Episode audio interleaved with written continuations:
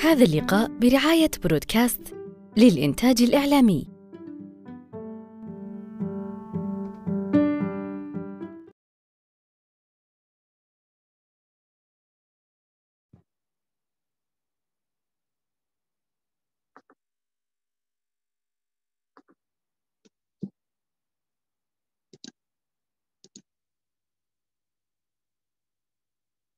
بسم الله الرحمن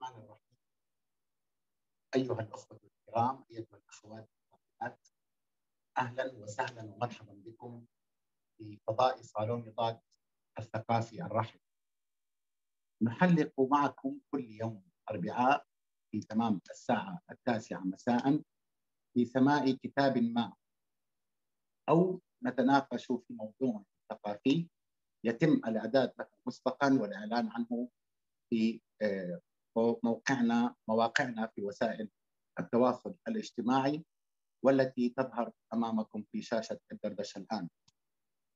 لقاؤنا اليوم هو اللقاء رقم 152 ويسعدني أن أرحب بمؤسسة بودكاست للإنتاج الإعلامي كما اسمحوا لي أن أرحب باسمي واسمكم بضيفي هذا اللقاء الأستاذ عمر محمد المسعودي عمر محمد المسعود طالب في كلية طب الأسنان في جامعة الملك سعود في الرياض.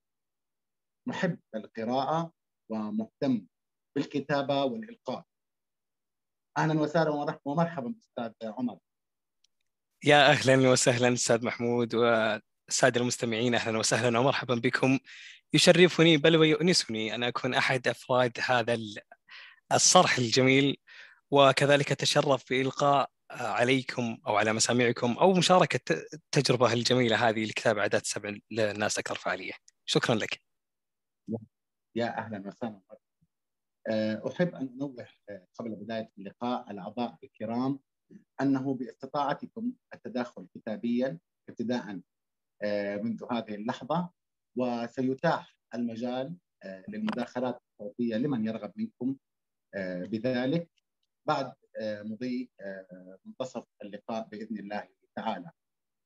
لكل إنسان آه، طبائع وعادات يتخلق بها وفق منظوره الشخصي الذي تشكل خلال مراحل نموه خلال طفولته خلال نشأته خلال الحياة والمجتمع التي يعيش فيها تؤثر هذه العادات على شخصيته ولهذه العادات علاقة وثيقة بخط سيرنا في هذه الحياة. نقاشنا في هذه الأمسية مع الأستاذ عمر عن كتاب العادات السبع للأشخاص الأكثر فعالية للكاتب آه، والمؤلف الأمريكي آه، ستيفن آر كوفي. آه، و اسمح لي أستاذ عمر أن أبدأ بالسؤال المعتاد الذي نبدأ به في بداية لقاءاتنا في صالون ألا وهو لماذا هذا الكتاب؟ لماذا العادات؟ آه بسم الله الرحمن الرحيم. السلام عليكم ورحمة الله وبركاته. من جديد.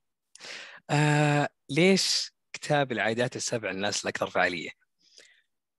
هو حقيقة أنا إذا حد أحب إذا حد سألني سؤال من هالقبيل أحب أوجه له سؤال مختلف. يقول لماذا لا لماذا لا؟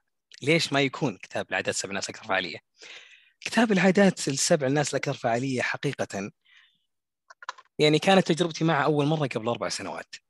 أخذت الكتاب هذا من أحد رفوف المكتبة من إحدى توصيات المعارف أو الأقارب وكان كتاب كبير للي شاف الكتاب أو اللي قرأه 450 صفحة.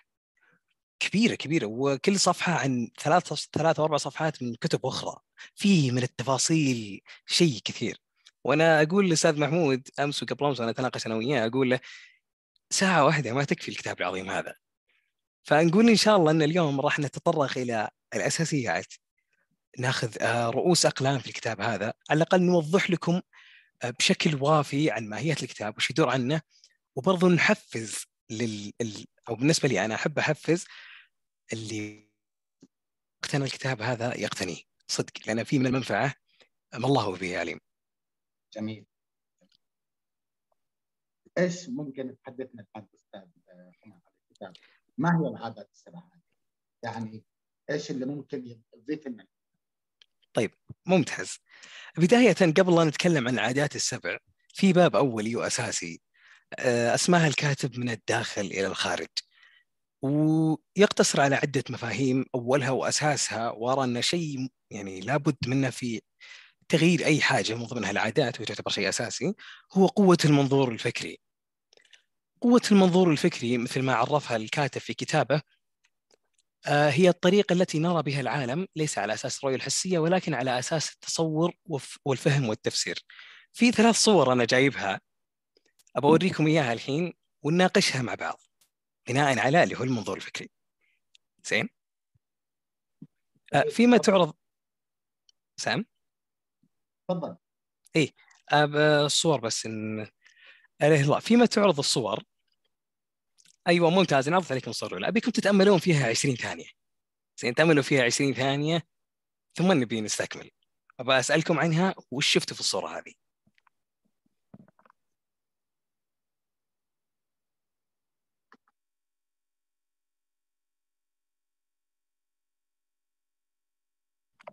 طيب أتوقع 20 الحين مرت 20 25 ثانية مرت. نقدر نشوف الصورة الثانية؟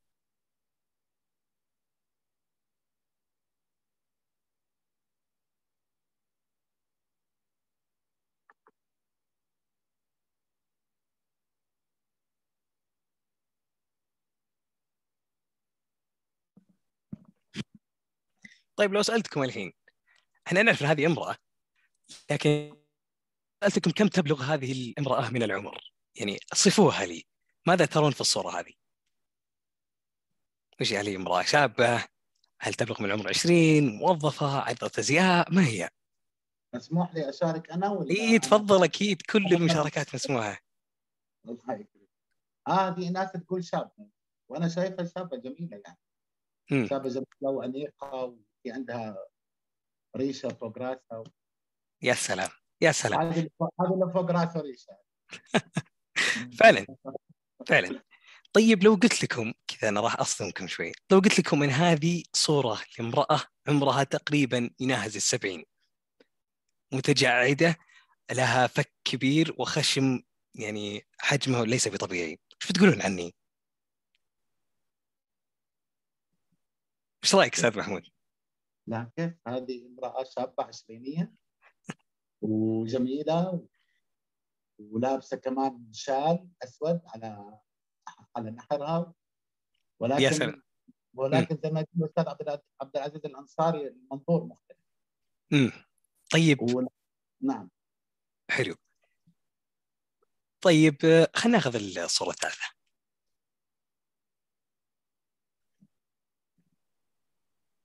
يعني أنتم لكم منظور ان هذه شابة عمرها 25 سنة وأنا أرى أنها آه، امرأة في السبعين من عمرها. حلو خلينا نشوف الصورة الثالثة.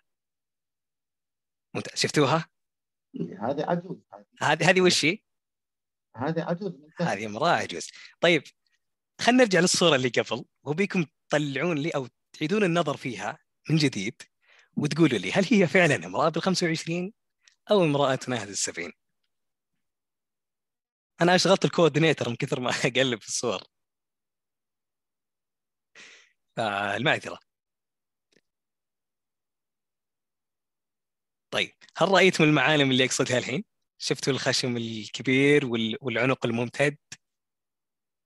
لاحظتوا؟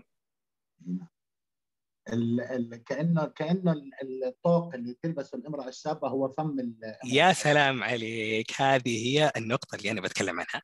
المنظور الفكري يعني يختلف من شخص لآخر بناء نعم. على البيئة التي يكون فيها. يعني أنتم شفتوا حاجة وأنا شفت حاجة لكن جت حاجة نحكم عليها أنا وأنتم. ممتاز؟ طبعا كلانها صح. أنتم رأيتم من وجهة نظركم على الأشياء اللي جتكم انها امرأة شابة تبلغ من العمر 25 وقد تكون أيضا عرضه ازياء لكن أنا من البيئة اللي جيت منها يا أخي رأيت إنها امرأة عجوز.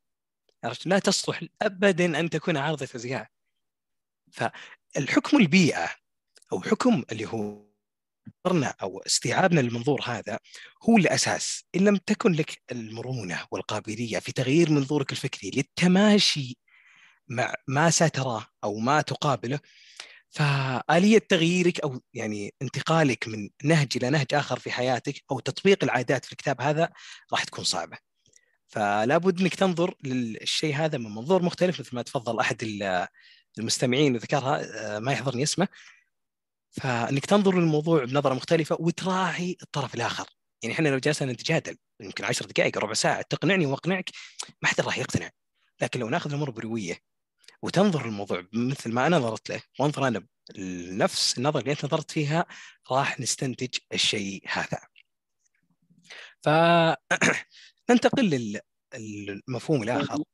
أستاذ عبد العزيز طيب الآن أنا ممكن يعني يعني الآن أنا أنا لما شفت صورة الامرأة امرأة شابة يعني تكلمت ليس فقط وفق وفق منظور معين أنا أتبناه ممكن يعني ممكن أنا حكمت وقررت إنها أمرأة شابة بناء على إنه أنا رجل شاب وأنا راح يلفت نظري هذا الشيء. بينما لو جاء شخص آخر بنفس المنظور اللي موجود عندي ممكن يكون يعني وهو غير شاب ممكن يشوف الامرأة العجوز ولكن يكون المنظور غير مختلف. ولا إيش رأيك؟ امم إحنا مثل ما قلنا البيئة وحتى اللي هو طبعا البيئة إذا قلنا البيئة إحنا نعتبر هذه كلمة عامية. لما تربى عليه لسنه حتى مثلا لجنسه سواء كان ذكر أو أنثى في نظرته للامور تختلف. يعني مثلا نظرة الرجل تختلف عن نظرة المرأة نظرة الصغير تختلف عن نظرة الكبير. نظرة مثلا الشخص اللي مقتدر تختلف عن نظرة الشخص الغير مقتدر. ففي عوامل عدة وكثيرة تحكم اللي هو المنظور. طبعا لتغيير المنظور والتأقلم معه في مبدأ اسمه مبدأ النمو والتغيير. مبدأ النمو والتغيير من يومنا أطفال وحنا نمشي على السياق هذا. كلنا دخلنا آه، تمهيدي بعدين مدارس ابتدائية بعدين متوسطة وثانوية جامعية ثم وصلنا إلى وظائفنا إلى ما نحن عليه الآن. هل من المعقول أن نجد طفل بعمر الثامنة أو التاسعة في المرحلة الجامعة أو في المرحلة الجامعية؟ أرى أنه شبه مستحيل وهذا يعتبر ضرب من من الخيال. على قولتهم فالكاتب وش قال؟ قال جملة جدا يعني محببة إلى قلبي يقول من المستحيل انتهاك عملية التطور أو تجاهلها أو اختصارها فذلك مناف للطبيعة ومحاولة السعي وراء هذه الطرق المختصرة لن تتمخض إلا عن خيبة أمل وإحباط. يعني طبعا الشيء هذا ودنا ناخذه مو على منطلق بس اللي هو آه، التغيير في منظور فكري لا ابدا نبي ناخذه برضو على السعي في الأهداف لأن مثل ما آه وش اسمه ما بعد نتطرق لها لكن إحدى العادات الأولى اسمها آه لا إله إلا الله. آه نسيت اسم المعذرة. عندنا مثلا كن مبادرة؟ زين. العادة العادة الأولى والثانية والثالثة برضو كلها تتكلم عن الذات والأهداف اللي هو المبادرة وانك تبدا والغايه في ذهنك وأيضا وضع المهم قبل الأهم لكن قبل هذا كله إذا ما عندك مفهوم واسع للتطور التدريجي اللي راح تمر فيه فأنت باختصار شديد ما راح توصل للرقعه اللي أنت تبغى توصل لها يعني مثلا أنا أحادث مثلا قبل فترة بسيطة أحادث الإخوان والأصدقاء أقول لهم أنا بصير يوم من الأيام راح أصير مليونير ينظرون يضحكون علي شو انت بتصير مليونير أنت؟ يعني تونا إحنا طلاب ولا زلنا ومكافاتنا 990 وكل واحد يعني على قد الحال اللي عنده شلون تبي تصير مليونير؟ يعني حدثنا أو حدث العقل بما يعقل. قلت يا جماعة الموضوع مو بكرة أو بعدها أنا بصير مليونير. لا ابدا الموضوع يبي له شهر مو مو بشهر ولا شهرين ولا سنة ولا سنتين ولا حتى عشر سنوات. الموضوع أن تبدأ وأنت حاط نصب عينيك الهدف هذا. وهنا نجي لمرحلة وضع الأهداف. وضع طبعا ببدأ بعد اثنين قبل واحد إنك تبدأ والغاية في ذهنك. غايتي إني اصير مليونير. حلو. وأنا أؤمن إيمان تام ان الهدف هذا مستحيل يصير يوم أو يومين. فحاط هدف مثلا على مدى 10 أو 15 سنة. لكن لكل سنة في أهداف صغيرة توصلني إلى هذا الهدف. حلو؟ يعني بداية 2023 في شهر جانوري اللي هو شهرنا الحالي قبل أسبوعين بالضبط يوم بدأت السنة. أخذت ورقة اي 4 وكتبت أهدافي للسنة هذه. وخذت اي 4 ثانية وطلعت اي 4 من جيبي. صارت ثلاث اوراق اللي كتبت فيها أهدافي خليتها على يمين. طلعت الورقة القديمة. كانت أهدافي في عام 2022 كتبت فيها ما يقارب 30 هدف. يوم حطيتها قدامي حققت منها 18 طبعا اللي يرى النسبة نسبة ليست بالسيئة وتعتبر جيدة 60% أنا سويت شيء كويس لكن بالمقابل حققت 12 هدف ما حطيتهم. يعني مثلا أنا ما كنت حاط بالي أن أنقص بوزني مثلا ونقصت. جاء هدف عرضي على قولتهم فدخل مع سياق الأهداف. هو صح ليس يعتبر الركيزة الأساسية لكنه آه، كان من آه، كان من الأشياء اللي استفدت منها. فهذا حفزني إني أنا رأيت ال ال الإنتاج. رأيت اللي هو جتني زي ما أقول لك لذة الإنجاز. إني أنا إنجزت خلال السنة هذه. صح ما بعد أوصل للهدف حقي لكن في أشياء صارت. أنا صار عندي أكثر مصدر دخل. أنا حققت إنجاز مثلا في تخصصي. آه، تعرفت على يعني حاجات معينة أو حتى جهات معينة ممكن تفيدني إني أوصل لهدفي. عرفت شلون؟ فالموضوع إنك تبدأ والغاية في ذهنك وتبدأ بالتدرج. هذا باختصار عن مبدأ النمو والتغير. طيب حكم إنه عادات وبديت في عادتين على طول. نبي نعرف أول شيء العادات وش زين في صورة بسيطة حلوة. آه، ثلاث دوائر تلخص لنا أو تعطينا زي اللي آه، مفهوم أساسي أو فكرة أساسية عن وش العادات. زين؟ حلو هذه ممتاز.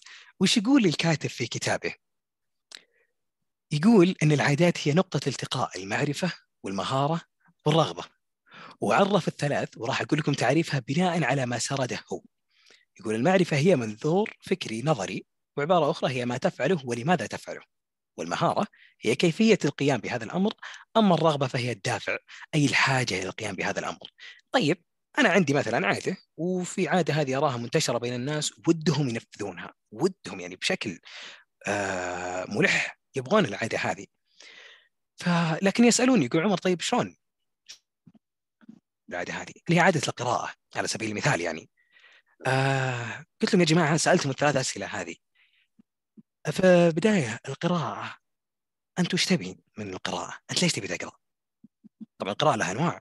في اللي يقرأ قبل الاختبار وفي اللي يقرأ في تخصصه وفي اللي يقرأ للمنفعة وفي اللي يقرأ عشان يقرأ وفي برضو اللي يقرأ عشان يستمتع. هنا قل لي رغبتك أنت ليش تبي تقرأ؟ فإذا عرفت حددت رغبتك عرفت ليش أنا أبغى أقرأ هنا أنت حققت ركن أو متطلب أساسي في تكوين العادة هذه. ممتاز؟ حلو. الشيء الثاني المعرفة. ماذا نفعل ولماذا نفعله أنت ليش تقرأ؟ طبعا ترى لا هي كلها على على شو نقول لك على وفاق بحكم أنها تجتمع في آه آه شو نقول لك آه محور واحد فالمعرفه انت حلو حلو قلنا ليش نبغى نقرأ؟ قلنا لماذا نقرأ؟ لماذا؟ يعني قلنا مثلا الحين أبغى أقرأ عشان أوسع مداركي، أنا أبغى أقرأ عشان أحل الاختبار المعين، أنا أبغى أقرأ عشان مثلا اوصل لمرحله أرى أني أنا مثقف وأرى أني مثلا يعني وصلت إلى ما أنا وصلت عليه بالقراءة وما إلى ذلك. طيب أنت ليش تبي توصل المرحلة هذه؟ ليش تبي تقول للناس إنك مثقف؟ طبعا ترى ما ليس عيب إنك تقرأ عشان تصير مثقف.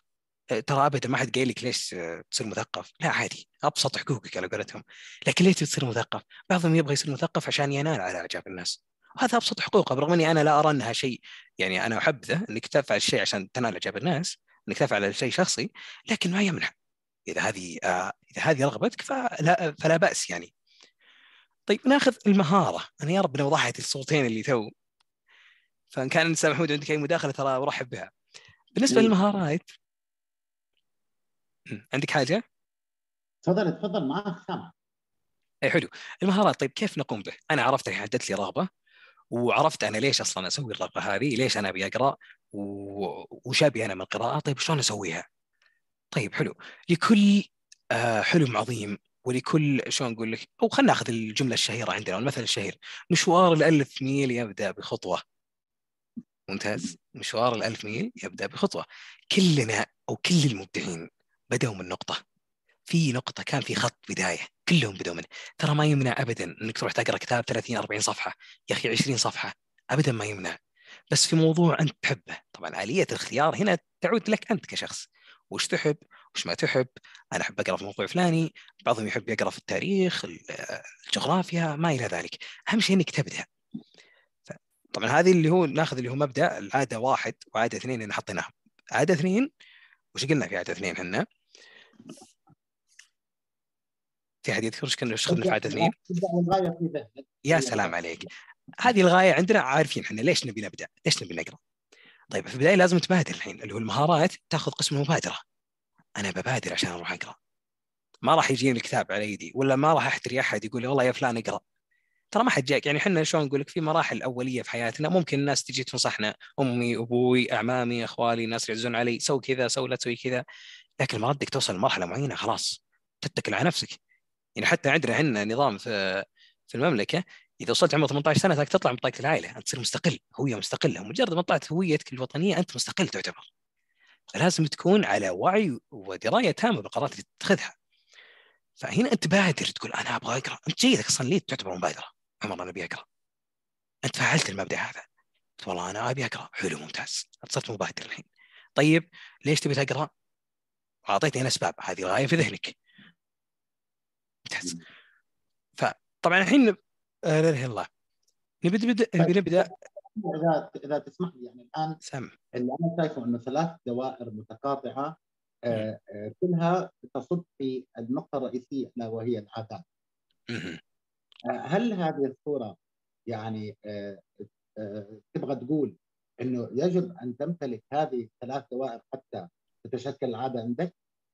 هل هذا هو الغاية من من الصورة؟ أنت وش رأيك أستاذ محمود؟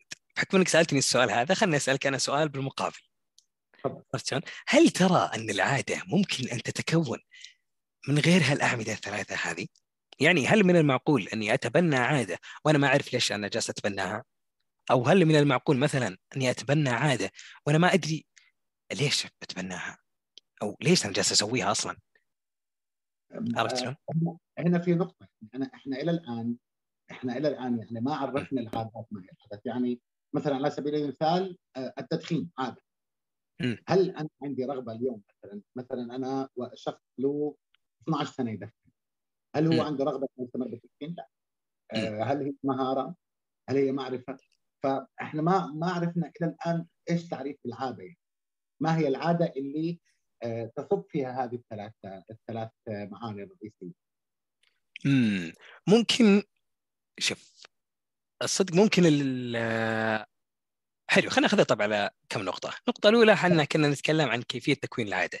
طيب لو نتكلم عن شخص عنده عادة معينة مثل ما تفضلت مثلا زي عادة التدخين، طيب ما تحكمها الثلاث أشياء اللي إحنا قلناها. نعم. حلو هو ي... هو عنده رغبة إنه يترك التدخين وعنده معرفة إن التدخين مضر لكن المهارات ما تختصر في التدخين. فلا إله إلا الله. فشلون يترك الشيء هذا؟ شوف ترك العادة من تكوينها هنا بدخل في منظور آخر من آه، من مفهومي أنا. حلو.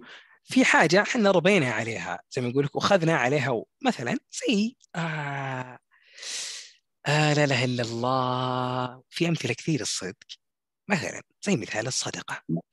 حلو. في أب يعود ابنه من يوم عمره سبع ثمان سنوات إذا طلعوا يمر على المساكين والمحتاجين ويعطيهم. كل مثلا بعد صلاة جمعه الطفل هذا ربى على الشيء هذا ووصل لين عمره ال 20 25 سنة هو لا اراديا بعد صلاة الجمعة تلقاه يروح. هو الصدق ما عرف ليش وما يدري ليش. يعني خل قبل معلش 25 وصل معلش عمر 12 16 20 سنة هو جالس يطبق الشيء هذا لكن بدون دراية. أوكي هي مهارة أنا جالس يقوم فيها لكن ليش؟ وأنا مش استفيد من الشيء هذا. عقب ما قرأ وفهم عرف الشيء هذا. طبعا كلمة إنه راح يترك الشيء هذا شبه مستحيل ليش؟ أو صعب. مستحيل صعب. إنه يترك العادة هذه لأنه اعتادها. كل جالس يروح كذا كل يوم جمعة جالس يتصدق. صعب إنك هو صار من, من الأساسيات في يوم الجمعة إنك تسويه. زي مثلا ترى عادة التدخين نفس الشيء. يعني بعض الناس متعود إنه أول ما يصبح يعني يكيف على ازقاره له مثلا سنوات وعلى الشيء هذا. تبي تجي أنت في يومين تبي تقنع بالشيء هذا مستحيل. لازم تكون عنده أول شيء الرغبة تأكد إنه شخص يرغب. ويكون زي ما نقول لك آه قد الرغبة هذه إنه يكون آه واثق إن أنا خلاص أنا عندي تجسيد أساسي إنه خلاص أنا راح أترك التدخين هذه رغبتي. ليش أترك التدخين؟ هذه المعرفة. التدخين معروف إنه مضر وإنه يؤدي إلى كذا وكذا وكذا وكذا تترسخ عند المعرفة. جميل. المهارة هنا طبعا المهارة العكسية إيش تسمى؟ إنك تتركه شوي شوي.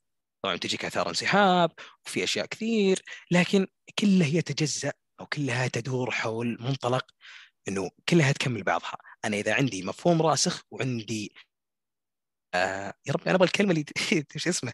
تفسر الشيء. إيه عنده همة عنده أصرار. إنه يترك الشيء هذا أو حتى يكون الشيء هذا فهي تعتبر المفتاح الأساسي. هي المفتاح. الأساسي للعادات. جميل جدا. فاي ننتقل لل شو اسمه؟ المفهوم الآخر. بحكم ان عرفنا العادات طيب وش هي العادات؟ وش هي عادات سبع الناس الأكثر فعاليه؟ قسمها الكاتب ثلاث أقسام. القسم الأول آه، سماه الكاتب شو اسمه؟ الاعتماد على الذات. الاعتماد على الذات هو مفاده الفكري أنا. أنا يمكن القيام بهذا الأمر. أنا المسؤول. أنا أعتمد على نفسي. أنا من له الحق أو من يمتلك الاختيار. أنا كلها أنا كلها تدور حولي أنا اللي هي العادات الأولى اللي يسميها الكاتب النصر الشخصي اللي آه كن مبادرا البدء آه البدء والغاية في ذهنك والبدء بالأهم قبل المهم بحكم أن تطرقنا لعادة واحد وعادة اثنين ليش ما نروح لعادة ثلاثة؟ طبعا عادة ثلاثة تعتبر عادة مميزة ولا يا أستاذ نعم. محمود؟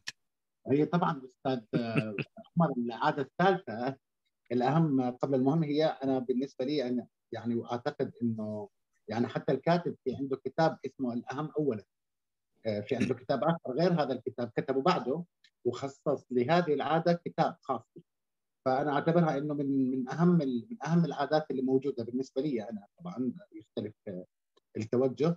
إنه من أهم العادات اللي موجودة هي عادة الأهم اولا. ممتاز. عندنا صورة صغيرة.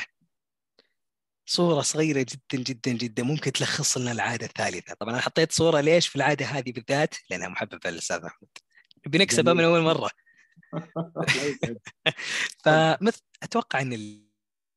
هذا باين لكم أو أتوقع قد مر عليكم أو مر على الأغلبية. سمينا مربع المهام في منظورنا.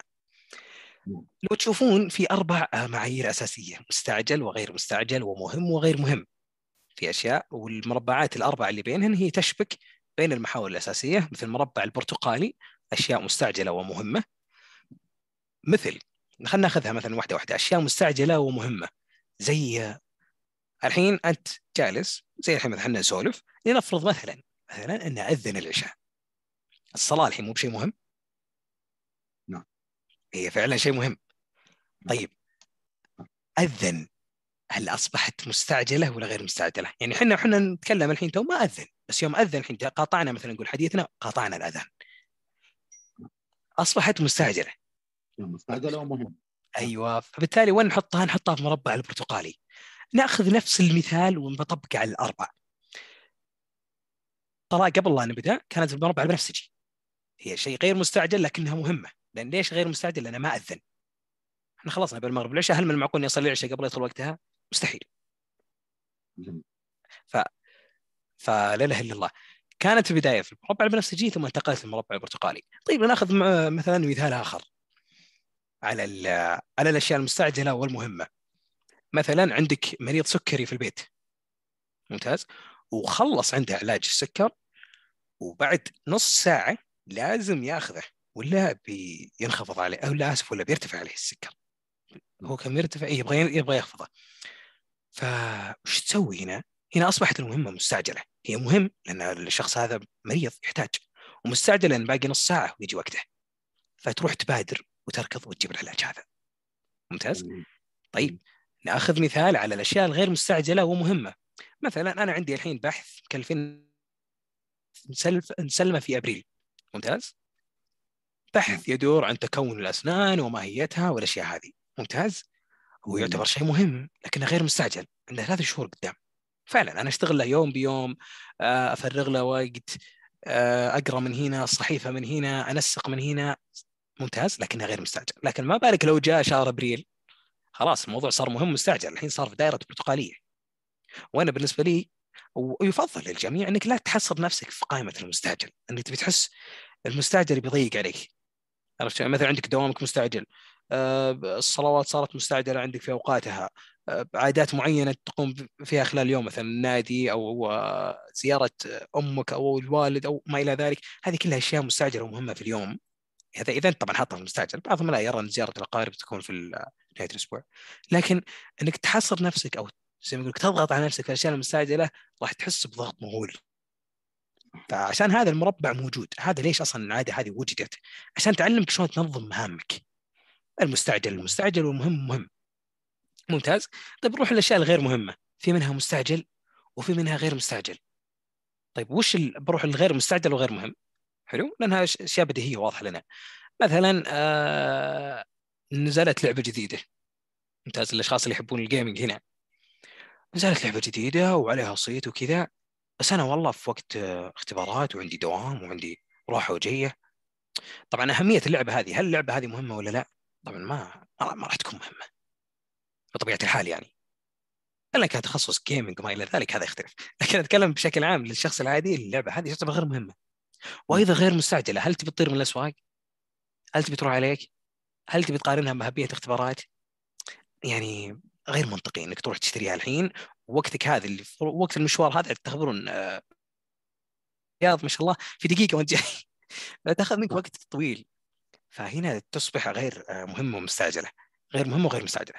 أما بالنسبة للأشياء المستعجلة وغير مهمة صدق جالس أفكر فيها هذه. أول ما قريتها قبل أربع سنوات أول ما قريت الكتاب قلت وش الشيء المستعجل وغير مهم؟ ما, ما جت في بالي. قلت ممكن طيب اتصال. اتصال من شخص يعني صديق قديم منذ الأزل فجأة جاي يتصل بيسال عنك. وهو شيء مستعجل إنك لازم ترد على الاتصال لكنه غير مهم. يعني لو عندك حاجة معينة مثل صلاة مثل جلستي مع أبوي جلستي مع أمي آه، في اختبار. مو مهم مقارنة بالأشياء هذه. فهو فعلا شيء مستعجل أرد عليه ولا ما أرد عليه لكنه يعتبر برضه غير مهم. هذه بشكل أساسي أو بشكل مبسط وسريع ماهيه العادة الثالثة اللي هي الأهم قبل المهم. جميل. جميل جدا. إحنا انتصف تبي ندخل في العادة الرابعه والله العادة الرابعة استطرد في العادات إيش رأيك؟ ولا ولا ناخذ الإعلانات تريح شوي؟ أنا اللي, اللي تبي لأن اللي بدخل بدخل الرابعه والخامسه والسادسة معا.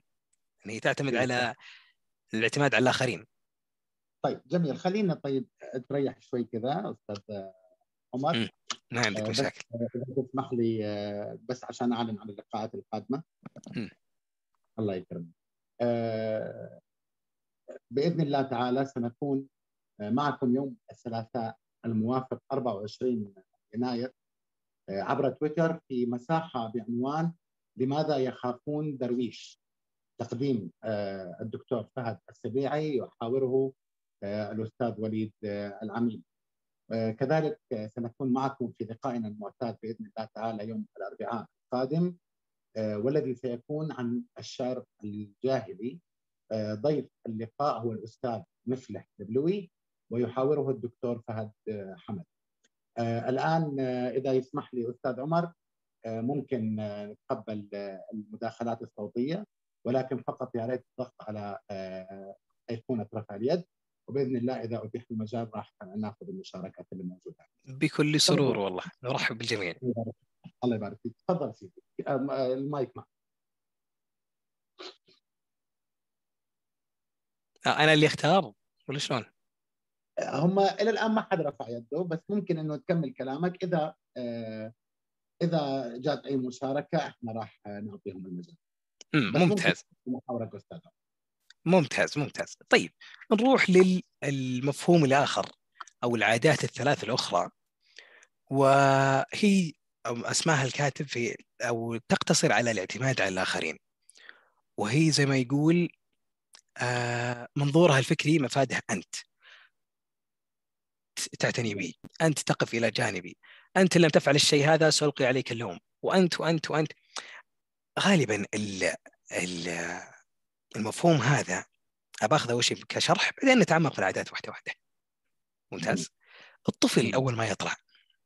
الطفل أول ما يولد على هذه الحياة بداية أول ثلاث أربع خمس إلى ست سنوات حتى يكون متكل اتكال تام على والديه. هم اللي يوكلونه يشربونه يطلعونه يلبسونه يحفظونه كل شيء يعني اعتماد كامل. أنت يا الوالد إذا ما سويت له شيء أنت الملام. إذا ما إذا صاح الولد ترى عليك أنت. أنت ما عليك أنت. ما ابدا لا يلام الطفل بأي حاجة وبأي كائن مكان. عرفت شلون؟ هنا ناخذ المثال الاولي هذا نجسد أو نعرف وش الاعتماد على الآخرين. في ناس في وقتنا الحالي عمري وعمرك وأعمار المستمعين يعتمد اعتماد كلي على الآخرين. يعني مثلا زي اللي يرى أو زي اللي يخلي زملاء خلينا مثلا أطار المدارس زي مثلا اللي يخلي خويه يحل واجبه أو يخلي مثلا آه، آه، صديقه آه، يحل عنه مشروع معين هذه اعتماد كلي على الآخرين لكن هل لها منفعة؟ هل فيها حاجة؟ لا ابدا هي الاعتماد على الآخرين بحت يعتبر شيء شلون أقول لك؟ بالنسبة لي خلي نظره الكاتب كان نظرتي لي نظرة أنا أرى أنه شيء يقلل من شانك أنت يقلل من شانك أنت لكن شوف كنت أرى في المنظور هذا قبل لا نعتمد أو نعتمد على المنظور الآخر هذا في البداية أنا لا زلت أؤمن. طبعا قبل أقرأ الكتاب. أي يا سلام عليك. أستاذ عرفات. ذكر أنه الاتكالية. الاتكالية على الأشخاص. هذه تعتبر شيء سلبي بالنسبة لي. انك أنت ما تجعل لنفسك قيمة. يعني مثلا الطفل إحنا مراعين طفل لا, لا يسعى فعل شيء. لكنك أنت في شلون أقول لك بعقليتك ورزانتك وما إلى ذلك تتكل على شخص آخر بحاجة أنت يمديك تسويها. هنا يعني فيها زي ما نقول لك فيها نقاط لابد مراجعتها. آه لا إله إلا الله. أنا لا زلت حلو أو آسف أنا سابقا كنت أرى أن الاعتماد على الذات أكثر نضجا من الاعتماد على الآخرين. آه لأن مثل ما قال الكاتب الاعتماد على الذات إنجاز إنجاز عظيم في حد ذاته إنك تعتمد على نفسك. ولكن الاعتماد على الذات ليس هو التفوق المطلق. تقول عمر شلون؟ أنت تقول لي الاعتماد على الآخرين فيه وفيه وفيه والاعتماد على الذات يعني أنت خليتنا نعتمد على ذواتنا نترك الآخرين. أقول لك صح هذا في حال الاتكاليه التامه لكن في مفهوم آخر وهو الذي يحمل مفهوم العادات الأخرى واسمه الاعتماد بالتبادل وهو نعم. منظور فكري مفاده نحن نحن يمكننا القيام بهذا الأمر، نحن يمكننا أن نتعاون، نحن يمكننا مزج مهاراتنا وقدراتنا معا لنصنع شيئا عظيما لنا جميعا. عرفت شلون؟ يعني مثلا نأخذ على سبيل المثال كرة القدم. هل في مشاركة معينة؟ أكيد طبعا. أنا مدري أنا أحس إنك يوم وقفت هنا في أحد بيشارك. اي في عندنا الأستاذ وليد. الأستاذ يعني زي ما قال عين الحاف وعين الفراش. تفضل أستاذ وليد. أهلا وسهلا. أنا مستمتع بس بقاطعكم يسعد مساكم جميعا ومساء الحضور. أنا أنا قلت لك قبل يبدأ اللقاء الكتاب عندي من زمان. وصراحة النصف ساعة الماضية خلتني أندم على الخمس ما أدري كم سنوات أو حول الخمس سنوات اللي هو عندي وأنا ما قريته لكن عندي سؤال بس أنا أول مرة يعني أتمعن في الكتاب اللي بين يديني. مكتوب طبعة خاصة بمناسبة مرور 25 عام على صدور الكتاب. آه والطبعة هذه عام 2016 باختصار أنا أعتقد إن الكتاب يعني سنة يعني سنواتها واضح انها كثير. إيه؟ يعني ألف من زمان هذا واحد. اثنين آه أكيد إن الكاتب كتبه على ال يعني استنادا على البيئة اللي هو جاي منها. المهم هل هذا الكتاب بعد هذه السنوات وفي بيئة زي مجتمعنا إحنا هنا مناسب؟ بما إنك قراته عمر قرأت أنا ما قرأت. هل هو مناسب لبيئتنا؟ مناسب لمجتمعنا؟ مناسب لثقافتنا حنا بعد مرور كل هذه السنوات؟ وباختلاف الجغرافيا بيننا وبين أو العادات والثقافات بيننا وبينهم. خصوصا إنه أنت في بداية استندت على كلمة بيئة وعجبتني إنه بيئة تعني اختلاف في العمر والجنس والحالة المادية والثقافية و اختلاف جذري بيننا وبين بيئة كاتب الكتاب. جميل. أنا قبل مثلا ما أقرأ الكتاب اللي 450 أو أحد الحضور ممكن يجي في باله السؤال اللي جاء في بالي إنه طيب الكتاب ألف من زمان والكاتب غربي وكتبه أكيد استنادا على بيئته. هل أنا بستفيد منه أو آخذ مراجعات عنه وآخذ الجاهز اللي يناسبني؟ ممتاز. سؤال يعني عظيم من شخص أعظم. السؤال هذا الصدق حتى نفس الكاتب في بدايات كتابه تكلم عن الحاجة هذه أو الصدق الشخص اللي آه، أعاد كتابة شو اسمه تصدير الكتاب اللي هو جيم كولينز. قال الشيء هذا في البداية. قال إن كتاب ستيفن ابدا ما مو بزي كتاب أو زي سائر كتب تطوير الذات الأخرى. قالوا له ليش؟ أنا الصدق بحاول أستذكر اللي قاله لأني ما جهزت النقطة هذه لكن آه لا إله إلا الله اللي قاله أو فحوى الكلام اللي قاله إن اللي قالها ستيفن ليست عادات زي ما متماشية أو عادات ثانوية مثل القراءة، الذهاب إلى مثلا التسوق، زيارة الأقارب من ذلك، لا، إحنا نتكلم عن ثوابت راسخة. باختصار أسس حياتية مهمة للنضج وللتغيير. مثل اللي هو آه، المبادرة اللي هو في المفاهيم اللي ذكرتها تو عندكم. الموجودة عندكم قدامكم هذه اللي هي المبادرة الاهتمام بالمهم قبل الأهم آه، أو آسف الأهم قبل المهم البدء والغاية في ذهنك. هذه ما كان عندك المفهومات أو الركائز الأساسية هذه. أنت شلون تبي تصنع المستقبل أو ترسم الحاجة اللي أنت تبغاها بالشكل المطلوب أو بالشكل المتكامل؟ لم يكن عندك الحاجات هذه أو الأساسيات هذه. طبعا المعلومية الأشياء اللي قلتها هذه ترى تعتبر مقدمة. فما بالكم أصلا فحوا الكتاب. يعني لو تقرون كل عاده طيب، كل عاده معطيها تقريبا كم؟ 40 60 صفحة. وتخيلوا إني أنا قلت بس باب وحاجات أقل من القليل. عشان ألو... فيه يعني الصدق تدخل الكتاب هذا وتضيع فيه.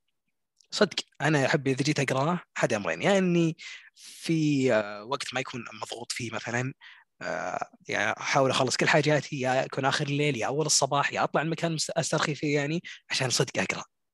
طبعا وأفضل الأشياء عشان تقراها. أنا ما أدري إذا جاوبت على سؤالك أستاذ وليد ولا لا. في زمننا هذا نعم ليش؟ لأن أسس ومبادئ أو ركائز أساسية. يعني مثلا خلينا نأخذ على صعيد المثال وطبعا ينزه في المقارنة مثلا الدين عندنا. الدين عندنا شيء راسخ وأساسي. لكل الأزمان هو يتوافق معها. عشان ويعتبر يتغير أيضا مع تغير الزمن. عشان هذا ما ميز ديننا الإسلام. صحيح؟ على خلاف مثلا العادات اللي هي العادات والتقاليد. في عادات وتقاليد يعني مر عليها الزمن وخلاص. يعني هذا وقتها وانتهى على قولتهم. فلا بد من تجديدها. العادات السبع هذه تجدد نفسها بنفسها. زي اللي تعتبر رواسخ. ثوابت. عرفت شلون؟ يعني من دون العواد الثلاث الأولى هذه شلون تبي تصنع لي هدف؟ شلون أنا جالس أفكر الحين كيف إني أفكر بهدف معين أو أنشئ خطة مستقلة آه لتطوير ذاتي أو لتطوير المنشأة أو المؤسسة اللي أنا فيها من غير الاتكال أو الاعتماد على الثلاث مبادئ الأساسية اللي أنا ذكرتها تو. يعني هذا لو نجلس مع بعض ونفكر فيها بنقول ممكن لكنه شبه مستحيل. إحنا إذا جت كلمة ممكن معناه إنه فعلا ممكن آه تطبيق أنا أبغى كلمة ممكن هذه إنه ممكن تق... آه، شو اسمه تطبيق العادات هذه في عهدنا أو زمننا الحالي هذا وحتى الأزمنة المستقبلية. فاي هل اوفت الإجابة يا أستاذ وليد ولا نسترسل زود؟ لا وصلت تماما وصلت يعطيك العافية. الله يعافيك. فأي سؤال ثاني ترى مرحبين جدا بالعكس نأنس بالأسئلة هذه. يعني يعني يعني يعني نقدر نقول أستاذ عمر إنه إنه هي مسألة آه، يعني مسألة إيش؟ ألو أستاذ محمود. لعل الأستاذ محمود أنقطع عنده الاتصال ما يخالف فيما يجي يعني نسترسل شوي. آه... لا إله إلا الله. كنا نتكلم عن العادات الثلاث الأخرى. اللي هو أو, اللي سماها الكاتب بالنصر العام اللي هي التفكير لا دقيقة خلي في الصورة. أنا كاتبها بشكل أفضل هنا. آه المنفعة المتبادلة اللي عادة أربعة. آه السعي إلى فهم الآخرين اولا. الأستاذة الأستاذة هناء تقول إنه إنه الكتاب يعطينا مجال للتفكير في الذات وأهدافها ما يعطيك خطوات عملية تمشي عليها. إيش رأيك بالملحوظه هذه؟ آه حلو. أستاذة هنا أنا عشان كذا قلنا لكم إنه أو ليش جالس أحفز بقراءة الكتاب هذا؟ لحتى العمر الصغير يعني أنا لما أقرأ الكتاب اول مرة كان عمري 15 سنة. قبل خمس سنوات تقريبا. خمس سنوات يوم أقرأ كان عمري 15 سنة. وخلصته كله. صح أنا ما أقول إني فهمته كله. لكن فهمت الفحوى فهمت الأصول. ومنها ترى تغيرت شخصيتي من إلى يعني بنبدا نقرأ في الكتاب شوي شوي خطوة خطوة لا يعطيك والحلو في الكتاب التجارب الشخصية تجارب الكاتب الشخصية آه زي ما أقول لك مرآة واقعية لما يحدث أو مرآة واقعية لكلامه. يبين لك إياها مفهوم جميل جدا. الاستدلال بالأمثلة أنا أرى أنه من أفضل وسائل التعليم. برضو الكاتب تطرق لكلمة معينة لكن كذا بنحرق ليش أصلا نصحكم بالكتاب. آه مفهوم أنه إذا جيت تقرأ الكتاب هذا يفضل أنك تقرأه ليس كمتعلم بل كمعلم تقولي شلون؟ أقول لك الشيء اللي تقرأه لو قريت باب واحد فخلال اليومين القادمة هذه حاول إنك تشرحه لغيرك أنت وأنت تشرح تطلع من نفسك أصلا تستدل بالشيء هذا في حياتك اليومية عرفت شلون؟ أو حتى مواقف حصلت لك أو سمعت عنها. فممكن يعني آه ما أدري إذا أنا وفيت في الإجابة ولا لا لكن نقول إن شاء الله إنه جميل. جميل. في آه. في في في كمان آه، الأستاذة تقول إنه في كتاب آه، الأستاذة أسماء في كتاب العادات السبع للمراهقين تقول إنه تفكير أولادها بشكل كبير وأنا كذلك عندي إضافة في كتاب العادات السبع للأطفال كذلك وهذا الكتاب كان جدا جميل ومصورينه على هيئة شخصيات.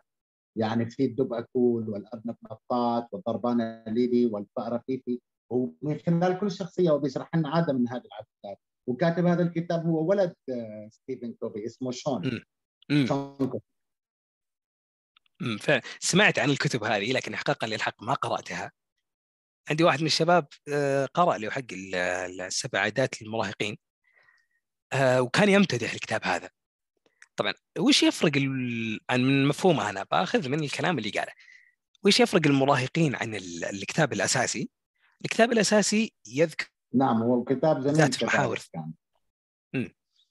الأجزاء أو أو قراءة متو... أو متو... في سؤال جاي يقول هل تنصح يا أستاذ عمر بقراءة الكتاب على أجزاء أو قراءة متواصلة؟ هذا بقو... هذا بختتم فيه آلية قراءة الكتاب. بقول لكم شلون تقرونه؟ أو بالطريقة اللي أنا أحب أقراها فيه وبرضو الطريقة اللي أوصى بها الكاتب. حرقت شوي منها يوم أقول لكم اقروه كمعلمين وليس كمتعلمين. ممتاز؟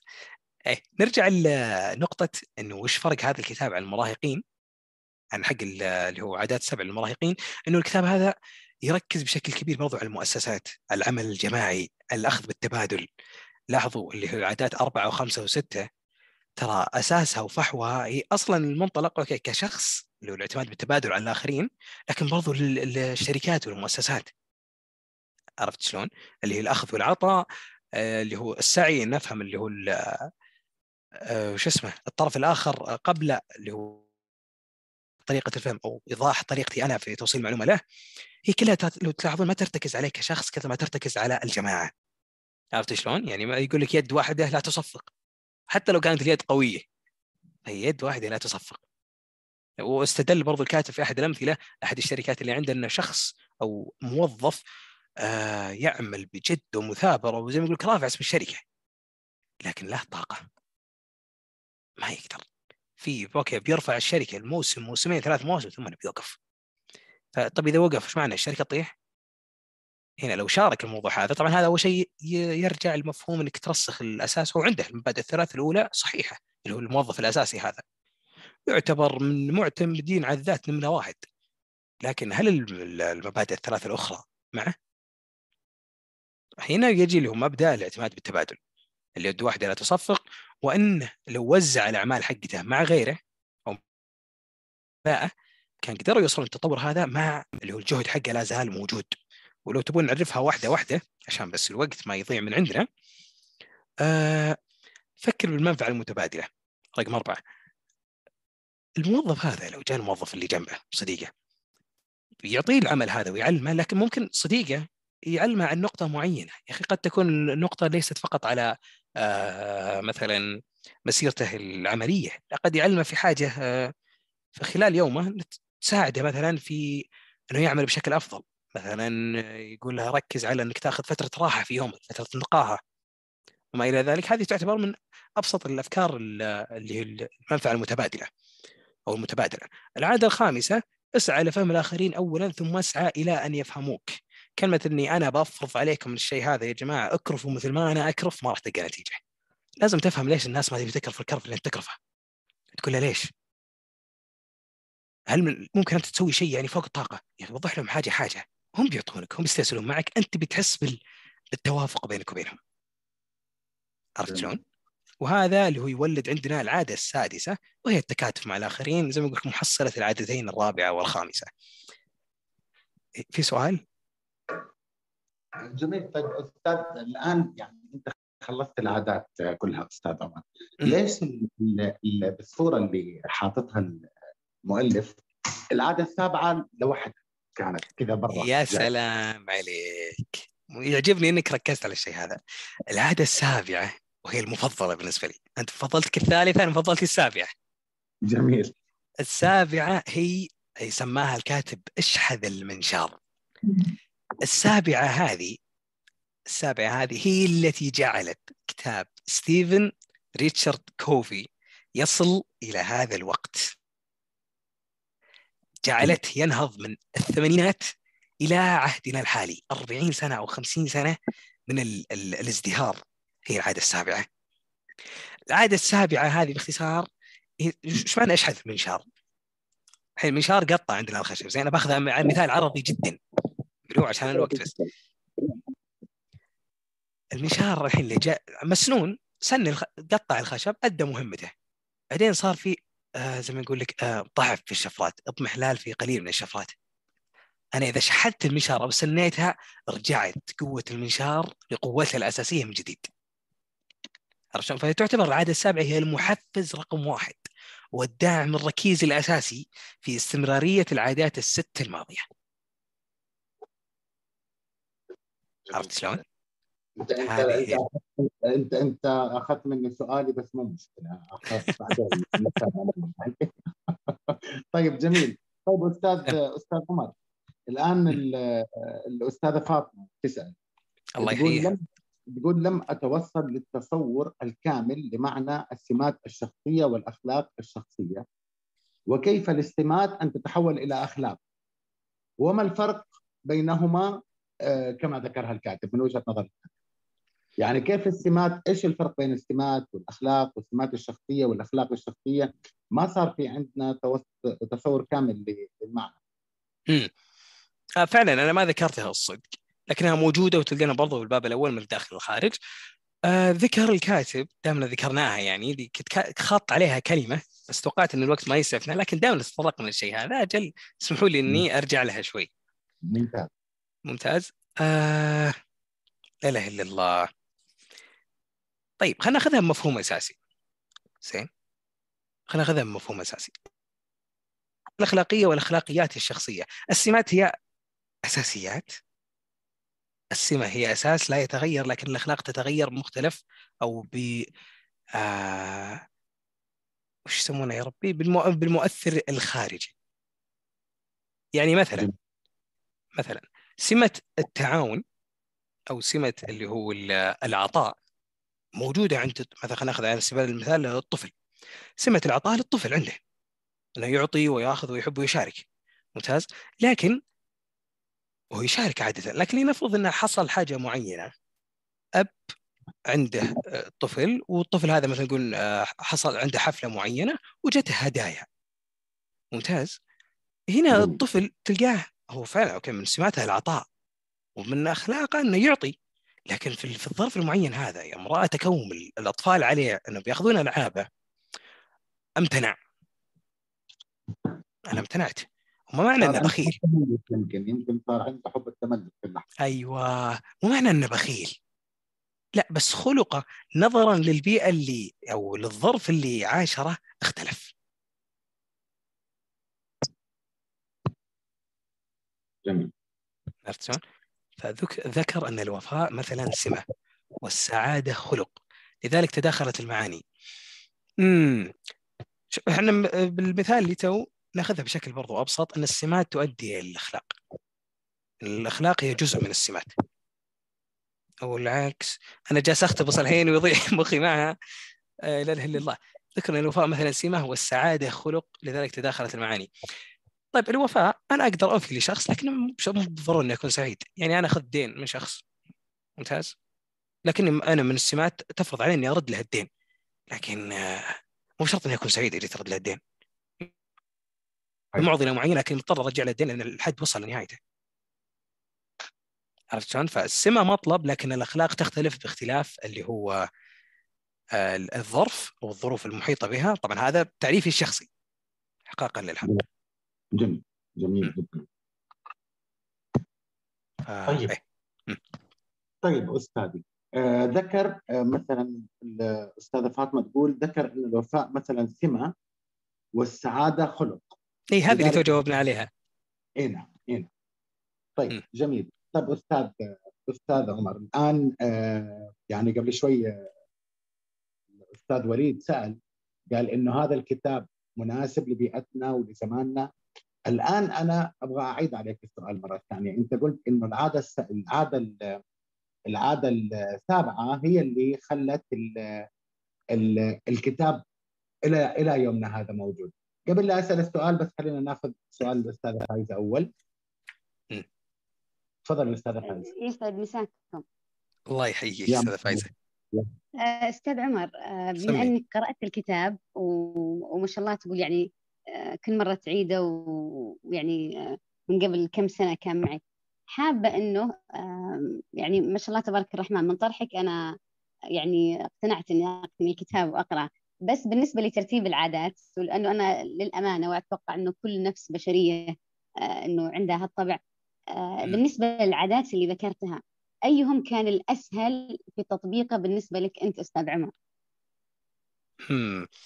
آه، رقم اثنين. عاد رقم اثنين البدء والغاية في ذهني. هنا أرى أنها الأساس وأنا لا زلت يعني أفكر ليش نبي بعد رقم واحد لكن الكاتب له مآرب أخرى. فعاد رقم اثنين البداية والغاية في ذهنك. إنك تعرف أنت أصلا وش هو اللي تبي تسوي الشيء هذا وليش أنت الشيء هذا هو الأساس. بالنسبة لي. جميل يعطيك ألف عافية. شكرا لكم. الله يحييك. سعدنا بمشاركتك جميل جميل. طيب أرجع لسؤالي في مشاركة من الأستاذة فاطمة قبلها تقول الكتب هذه تجعلك تضع النقاط على الحروف وترتب أفكارك وتحدد مسيرتك. فيسهل عليك أن تعرف من أين تبدأ. جميل أستاذ طيب أستاذ عمر مرة ثانية. يعني الآن آه، كتاب 430 آه، صفحة. والأستاذ وليد برضه مرة ثانية سألك إنه هل لا زال مناسب لكل مكان وزمان؟ اللي أنا أبغى أسأله ولو إنه أنت جاوبت على جزء من السؤال.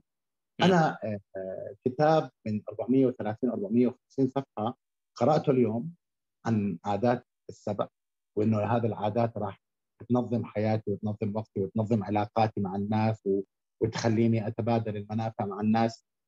ما مدى سهولة تطبيق هذا الكتاب؟ هل هذا هل هذا المعاني الموجوده هل هذه العادات سهلة إنه آه إنه أطبقها في حياتي بشكل يوم ولا آه أسبوع أسبوعين ممكن أطبقها وخلاص ننسى هل هذا الكتاب آه يعد من الكتب اللي لازم تكون مرجع؟ يعني زي ما سأل الاستاذ وليد برضه سأل عشاد قال أنا أتوقع إنه هذا الكتاب يجب أن يقرأ أكثر من مرة، هل هذا الكتاب يجب أن يكون بجانبي يعني؟ بجانب بجانب على الطاولة اللي جنب السرير وكل يوم أرجع أرجع مرة ثانية. ممكن فقرة اشحذ المنشار هذه يعني حسب الكلام الآن ممكن تكون هي اللي توصلني إيش رايك؟ يا سلام عليك. فعلا الكتاب هذا ليس كسائر الكتب. عرفت لا يعطي يعني مو من الكتب اللي تقراها وترجع على الرف مثل ما كان يعتبر زين الغرفة من جديد. لا. هذا الكتاب اللي ترجع له كل مرة مرتين. كل شهر كل شهرين. كل بداية سنة. كل نهاية مشروع. كل بداية مشروع. كل نقطة مفصلية. تحتاج ترجع له. بتقول لي عمر كتاب كبير 430 صفحة. مو من المنطق إني أقرأه. طبعا ميزة الكتاب إنه مو بشرط إنك تتقن العادات الأولى عشان تروح للعادات الثانية والعكس صحيح. تقدر تبدأ من النقطة اللي أنت يعني تحس إنك في ودك تطورها. مثل تقول أنا والله ثقتي بالنفس كويسة. هذا نتكلم عن اللي قرأ أول مرة بقراءة عدة مرات. والله ثقتي أو علمي بذاتي كويس لكن عندي مشكلة مع التعامل مع الآخرين. تبدأ من عاده أربعة. ما يضر. طبعا هو لابد إنك تكون صبور مع نفسك. لأن النمو الذاتي هو القارب الذي يجعل أو آسف لأن النمو الذاتي هو القارب الذي يحملك وهو الأرض المقدسة التي تقف عليها ولا يوجد استثمار أفضل منه. طبعا جليا يعتبر أنه حل ليس سريع صدق. لكن أشك أنك ستشعر بالفوائد وبترى النتائج فورية الصدق واللي من من أصلها أو من شأنها أنها تشجعك. وأختتم بمقولة لتوماس بن إيش كان يقول؟ إنما نكسبه بسهولة نضيعه بسرعة إنما قيمة لشيء هو مقدار اهتمامنا به فالقدر يحدد لكل شيء قيمته.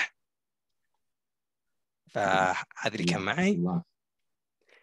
وأتمنى صدق أني آه لا إله إلا الله. ما أدري هل أنا بطمن فقرة ولا لا لكن أتمنى آه أني أوصلت ولو شيء بسيط. فكرة أولية آه وافية عن الكتاب. إن شاء الله أني حفزت أغلبكم أن يشتريه هو ما لي عمولة ولا لي حاجة لكن من من شلون قلت من دافع الحب والتحفيز. الكتاب هذا جدا عظيم. فاللي ما اقتناه يقتنيه واللي قرأه مرة يقرأه مرة أخرى. وشكرا جزيلا لكم. أخص بالشكر أستاذ محمود وإدارة صالون ضاد على إتاحة الفرصة لي. وش اسمه للمشاركه للمشاركة في هكذا أعمال وبرضو الفرصة ل وإتاحة الفرصة للشباب أمثالنا بأنهم يعبرون عن آرائهم وال شو اسمه والشغف الأفكار اللي بداخلهم. شكرا جزيلا.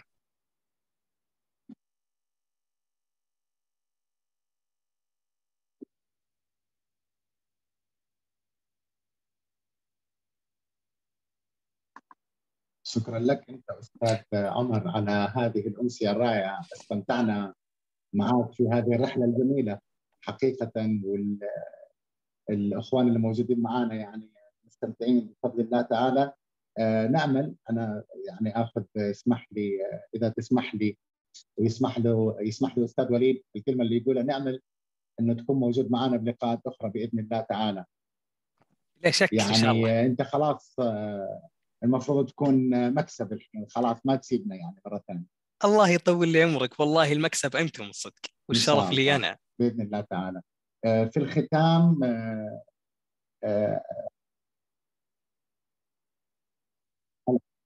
الله يبارك فيك إن شاء الله. ختاما الإنسان أعظم مخلوق من مخلوقات الله سبحانه وتعالى. خلق الله سبحانه وتعالى بيده و فضله على الملائكة. ويوجد لديه طاقة كبيرة آه، يستطيع آه، أن آه، أن يعمر الدنيا كما أمره الله سبحانه وتعالى. الله سبحانه وتعالى خلقنا لأعمار هذه الحياة ولبناء هذه الدنيا. هو الذي خلقكم في الأرض واستعمركم فيها. يقول سيدنا الإمام علي وتحسب أنك جرم صغير وفيك انطوى العالم الأكبر. آه، تصبحون على خير وامسيه سعيده بكم